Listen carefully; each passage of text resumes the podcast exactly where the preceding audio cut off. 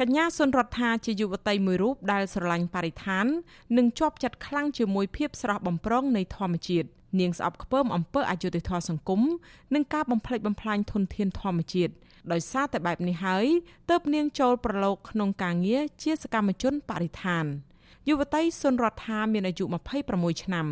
នាងមានស្រុកកំណើតនៅសង្កាត់អូចាក្រុងបាត់ដំបងខេត្តបាត់ដំបងនាងជាកូនទី4នៅក្នុងគ្រួសារដែលមានបងប្អូនសរុបចំនួន5នាក់ឪពុកម្ដាយរបស់នាងមានមុខរបរជាជាងតទឹកនិងដំឡើងប្រព័ន្ធទឹកពួកគាត់បានផ្លាស់ទៅរស់នៅឃុំពេជ្រចិន្តាស្រុកភ្នំព្រឹកខេត្តបាត់ដំបងវិញ នៅពេលរដ្ឋាចោះឈ្មោះចូលរៀនថ្នាក់បឋមសិក្សាម្ដាយរបស់កញ្ញាសុនរដ្ឋាគឺលោកស្រីដួងរីរៀបរាប់ថា កូនរបស់លោកស្រីម្នាក់នេះឆ្លៀសវៃនិងរៀនពូកែតាំងពីតូចជាពិសេសរូបគេចេះចូលរួមការងារសង្គមតាំងពីនៅថ្នាក់មធ្យមសិក្សាលោកស្រីបញ្ជាក់ទៀតថារដ្ឋាជាក្មេងម្នាក់ដែលប្រណិប័តឪពុកម្ដាយនិងគ្រួសារយ៉ាងខ្ជាប់ខ្ជួនដោយមិនមានទាស់ចំណុចណាមួយនោះទេខ្ញុំមិនដែលទៅធ្វើអីខុសសូម្បីតែគ្រូក៏ស្រឡាញ់ដែរដែលថានោះអីទៅជាមួយអ្នកណាអ្នកណីអត់ទេខ្ញុំរៀនបានលេខ1លេខ2រាល់តែឆ្នាំហើយដល់ឆ្នាំវិចិត្រ ប្រឡងឲ្យឆ្នាំចូល11 12ហ្នឹងវាចូលខាងក្រមយុទ្ធជនដើរមើលតាមភូមិតាមអីទៅចែកណយតាមភូមិតាមអីចឹងណាយុវតីសុនរដ្ឋាបានឡើងមករៀនថ្នាក់ឧត្តមសិក្សានៅភ្នំពេញ កាលពីឆ្នាំ2014ដោយចាប់យកជំនាញគណនេយ្យក្នុងរយៈពេល4ឆ្នាំនៅសាកលវិទ្យាល័យនាងសិក្សាដោយមិនបង់ថ្លៃនោះទេ ដោយនាងជាសិស្សអាហារូបករណ៍ នាងបានបញ្ចប់ការសិក្សានៅឆ្នាំ2018និងទទួលសញ្ញាបត្រនៅឆ្នាំ2019និយាយពីបុគ្គលិកលក្ខណៈវិញរដ្ឋាជាយុវតីមួយរូបដែលស្លូតបូតតែរស់រាយរាក់ទាក់និងច្បាស់លាស់ក្នុងការងារនាងរាប់អានមនុស្សគ្រប់វ័យដោយមិនប្រកាន់វណ្ណៈហើយចេះបង្កើតបរិយាកាសសប្បាយរីករាយជាមួយអ្នកនៅជុំវិញខ្លួន នាងមានទម្លាប់ល្អពីរយ៉ាងក្នុងជីវិតប្រចាំថ្ងៃនោះគឺការអានសៀវភៅនិងមិនប្រើប្រាស់ថង់ប្លាស្ទិក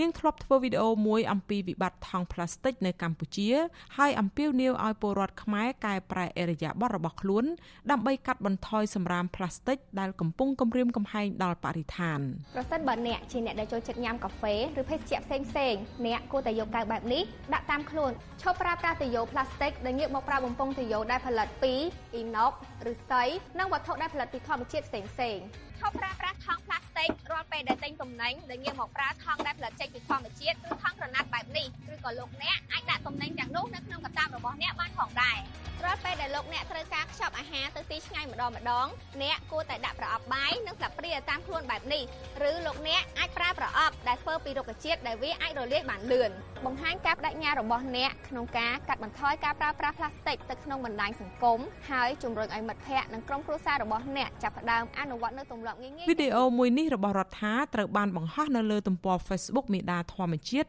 កាលពីខែមករាឆ្នាំ2020គិតមកដល់ពេលនេះវីដេអូនេះមានអ្នកចូលទស្សនាជាង1លានដងហើយក្នុងនោះមានអ្នកបញ្ចេញយោបល់និងស្រឡាញ់ចូលចិត្តរាប់ម៉ឺនដងកញ្ញាសុនរដ្ឋាបានចូលប្រឡូកក្នុងការងារបរិស្ថានអំឡុងពេលនាងរៀននៅថ្នាក់ឧត្តមសិក្សា ក្នុងឆ្នាំ2017នាងបានស្ម័គ្រចិត្តជាអ្នកចូលរួមរៀបចំបុណ្យកោងកាងនៅខេត្តកោះកុងដើម្បីផ្សព្វផ្សាយពីសក្តានុពលព្រៃកោងកាង បញ្ហាប្រឈមព្រមទាំងផលប៉ះពាល់ដោយការបូមខ្សាច់គឺចាប់ពីពេលនោះហើយដែលនាងបានស្វែងយល់ច្បាស់អំពីបញ្ហាបរិស្ថាននិងសង្គមហើយបន្តសកម្មភាពជាច្រើនទៀតតាក់ទងទៅនឹងរឿងបរិស្ថានទេសចរនិងវិស័យសិទ្ធិមនុស្ស អនុប្រធានគណៈកម្មការជនជាដើមភាគតិចជងតំបន់អរ៉ែងលោកហឹងពៅឲ្យដឹងថាពលរដ្ឋជាច្រើននៅក្នុងសហគមន៍របស់លោកមិនថាចាស់ឬក្មេងនោះទេ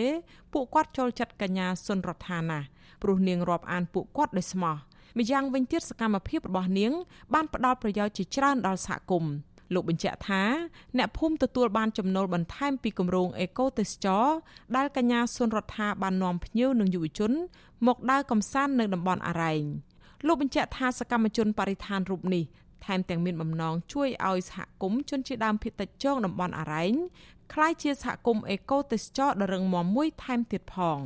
ចុះមកដល់សហគមន៍យើងខ្ញុំហ្នឹងគាត់ក៏បានជួយបង្រៀនតាក់ទងរឿងទទួលភ្ញៀវទេសចរបង្រៀនតាក់ទងរឿងធ្វើម្ហូបហើយយើងទទួលភ្ញៀវហ្នឹងបែបម៉េចទៅម៉េចឲ្យគេពេញចិត្តហើយយើងគួរតែបង្ហាញសក្តានុពលនៅក្នុងតំបន់របស់យើងហ្នឹងរបៀបណាហើយមួយទៀតហ្នឹងគឺគាត់ចង់ឲ្យយើងធ្វើពីរឿងវត្ថុអនុស្សាវរីយ៍សម្រាប់លោកអុយភ្ញៀវហ្នឹងហើយហើយមួយទៀតហ្នឹងគឺគាត់អុយយើងហ្នឹងព្យាយាមសិក្សាជាមួយនឹងអាជ្ញាធរដើម្បីយើងបង្កើតសហគមន៍បានដំណើរការទៅមុខ លោកហឹងពៅឲ្យដឹងទៀតថាពលរដ្ឋក្នុងសហគមន៍របស់លោកសោកស្ដាយជាខ្លាំងនៅពេលដឹងថាអាញាធរចាប់ខ្លួនកញ្ញាសុនរដ្ឋាលោកបន្តថាគ្មាននរណាម្នាក់ជឿថារដ្ឋាបានប្រព្រឹត្តអំពើខុសច្បាប់ដោយការចោទប្រកាន់នោះឡើយតែផ្ទុយទៅវិញអ្វីដែលនាងបានធ្វើកន្លងមក គឺដើម្បីជួយការពារបរិស្ថាននិងលើកកម្ពស់ជីវភាពសហគមន៍តែប៉ុណ្ណោះ។ យើងអត់ចង់ឲ្យមានការចោទប្រកាន់អញ្ចឹងទេព្រោះគាត់ជាមនុស្សក្មេងដូចអត់មានលំនឹកស្អីអាក្រក់សោះព្រោះយើងតាមសង្កេតមើលតាំងពីគាត់ចុះមកអរ៉ែ4 5ដងនឹងមកគឺគាត់អត់មាននិយាយពីរឿងអញ្ញាធរអាក្រក់អីទេអត់ទេគាត់និយាយទៅពីរឿងបរិស្ថាននិយាយពីរឿងឲ្យយើងហ្នឹងរៀបចំសមាជិកហ្នឹងឲ្យចេះទទួលភ្ញៀវឲ្យចេះបង្កើតរក្សាវប្បធម៌ប្រពៃណីពីមុនមកទៅប៉ុណ្ណឹងតុលាការរបបលោកហ៊ុនសែនបានចោទប្រកាន់កញ្ញាសុនរដ្ឋាចំនួន2បទល្មើស រួមមានបទប្រមាថព្រះមហាក្សត្រនិងបទរួមគំនិតក្បត់បទចោទទាំងពីរនេះប្រឈមទៅនឹងការជាប់ពន្ធនាគាររហូតដល់10ឆ្នាំរីឯសកម្មជនបរិស្ថានម្នាក់ទៀតគឺលោកយឹមលៀងហ៊ីក៏ត្រូវបានចោទប្រកាន់ចំនួន2បទល្មើសដូចគ្នានេះដែរខណៈយុវជនលីច័ន្ទដារាវុធរងការចោទប្រកាន់មួយបទល្មើសគឺបទរួមគំនិតក្បត់ អតីតសកម្មជនបរិស្ថានលោកស្រីលឹមកំសួរចាត់ទុកករណីចាប់ខ្លួនកញ្ញាសុនរដ្ឋានិងសកម្មជន2នាក់ទៀតនោះគឺជាការបំបិតមាត់យុវជនមិនឲ្យឈឺឆ្អាលក្នុងបញ្ហាបរិស្ថាន លោកស្រីបន្តថាការងារដែលកញ្ញាសុនរដ្ឋាបានធ្វើកន្លងទៅនោះមានតម្លៃសម្រាប់សង្គមពីព្រោះបានបណ្ដុះទឹកចិត្តយុវជនដទៃទៀតឲ្យចេះស្រឡាញ់បរិស្ថាន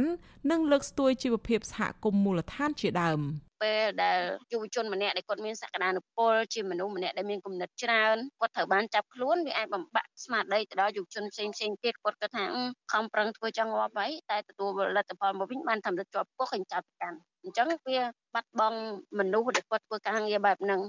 អញ្ញាធននិងប្រព័ន្ធឃោសនារបបលោកហ៊ុនសែនបានព្យាយាមនិយាយដាក់បន្ទុកលើកញ្ញាសុនរដ្ឋានិងសកម្មជន2នាក់ទៀតថាបានធ្វើសកម្មភាពដោយខុសច្បាប់ដើម្បីបង្កឲ្យមានភាពវឹកវរនៅក្នុងប្រទេសឈានទៅផ្ដួលរំលំរដ្ឋាភិបាលទោះជាយ៉ាងណា ការលើកឡើងបែបនេះมันបានធ្វើឲ្យសហគមន៍ជាតិនិងអន្តរជាតិជឿជាក់ឡើយព្រោះមនុស្សទូទៅយល់ច្បាស់ថាការងារការពារបរិស្ថានមិនមែនជាបទល្មើសនោះទេប៉ុន្តែវាជាសកម្មភាពដែលគួរតែទទួលបានការលើកទឹកចិត្តទៅវិញជាការឆ្លើយតបទៅនឹងទង្វើរំលោភសិទ្ធិមនុស្សរបស់រដ្ឋាភិបាលកម្ពុជាសហគមន៍ជាតិនិងអន្តរជាតិ បាននាំគ្នាថ្កោលទោសចំពោះការចាប់ខ្លួនសកម្មជនបរិស្ថានទាំងនេះនិងកំពុងធ្វើយុទ្ធនាការទាមទារឲ្យអាជ្ញាធរដោះលែងពួកគេឲ្យមានសេរីភាពវិញ។ជាការឆ្លើយតបទៅនឹងទង្វើរំលោភសិទ្ធិមនុស្សទាំងកំរោលនេះសហគមន៍ជាតិនិងអន្តរជាតិបាននាំគ្នាថ្កោលទោសករណីនេះនិងកំពុងធ្វើយុទ្ធនាការទាមទារឲ្យអាជ្ញាធរដោះលែងពួកគេឲ្យមានសេរីភាពវិញចំពោះក្រុមគ្រួសាររបស់សកម្មជនបរិស្ថានទាំង3នាក់វិញពួកគាត់ ក៏មិនបានស្ដីបន្ទោសឲ្យយុវជនទាំងនោះដែរតែផ្ទុយទៅវិញមានតែលើកទឹកចិត្តឲ្យពួកគេបន្តការតស៊ូទៅមុខទៀតក្នុងបុព្វហេតុការពារបរិស្ថាន។ម្ដាយរបស់កញ្ញាសុនរដ្ឋាលោកស្រីដួងរីមានប្រសាសន៍ថាលោកស្រីរំភើបចិត្តនៅពេលដែលឃើញសាធារណជនទាំងជាតិនិងអន្តរជាតិផ្ដល់តម្លៃដល់សកម្មភាពការងាររបស់រដ្ឋានិងជឿជាក់ លើភាពស្អាតស្អំរបស់នាង លោកស្រីស្នើយ៉ាងទទូចដល់អាជ្ញាធរឲ្យដោះលែងកូនលោកស្រីវិញដើម្បីរូបគេអាចបន្តការងារស្របតាមអំណងរបស់ខ្លួនខ្ញុំមើលតាម Facebook ទៅឃើញគេគ្រប់គ្រងកូនច្រើនអញ្ចឹងនឹងមានចិត្តថារំភើបព្រោះកូនខ្ញុំវាមិនដែលធ្វើឲ្យពាក្យថាក្បត់ផងអត់មានសោះមានដូចថានៅតាមភូមិស្រុកកំណើតក៏អញ្ចឹងដែរមានគេរាប់អានគេស្រឡាញ់អញ្ចឹង កញ្ញាសុនរដ្ឋាមានក្តីបំណងធំធំមួយចំនួននៅក្នុងជីវិតជាអ្នកការពារបរិស្ថាន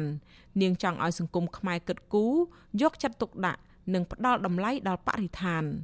ជាមួយគ្នានេះនាងចង់ជួយលើកកម្ពស់ជីវភាពរស់នៅរបស់សហគមន៍មូលដ្ឋាន តាមរយៈសេវាកម្មអេកូទេសចរឬទេសចរធម្មជាតិដោយជៀសវាងការបំផ្លិចបំផ្លាញធនធានធម្មជាតិ ជាពិសេសនាងចង់ឃើញប្រជាពលរដ្ឋខ្មែរគ្រប់រូបរស់នៅដោយសេចក្តីថ្លៃថ្នូរមានការគោរពសិទ្ធិមនុស្សនិងទទួលបានយុត្តិធម៌ស្មើស្មើគ្នា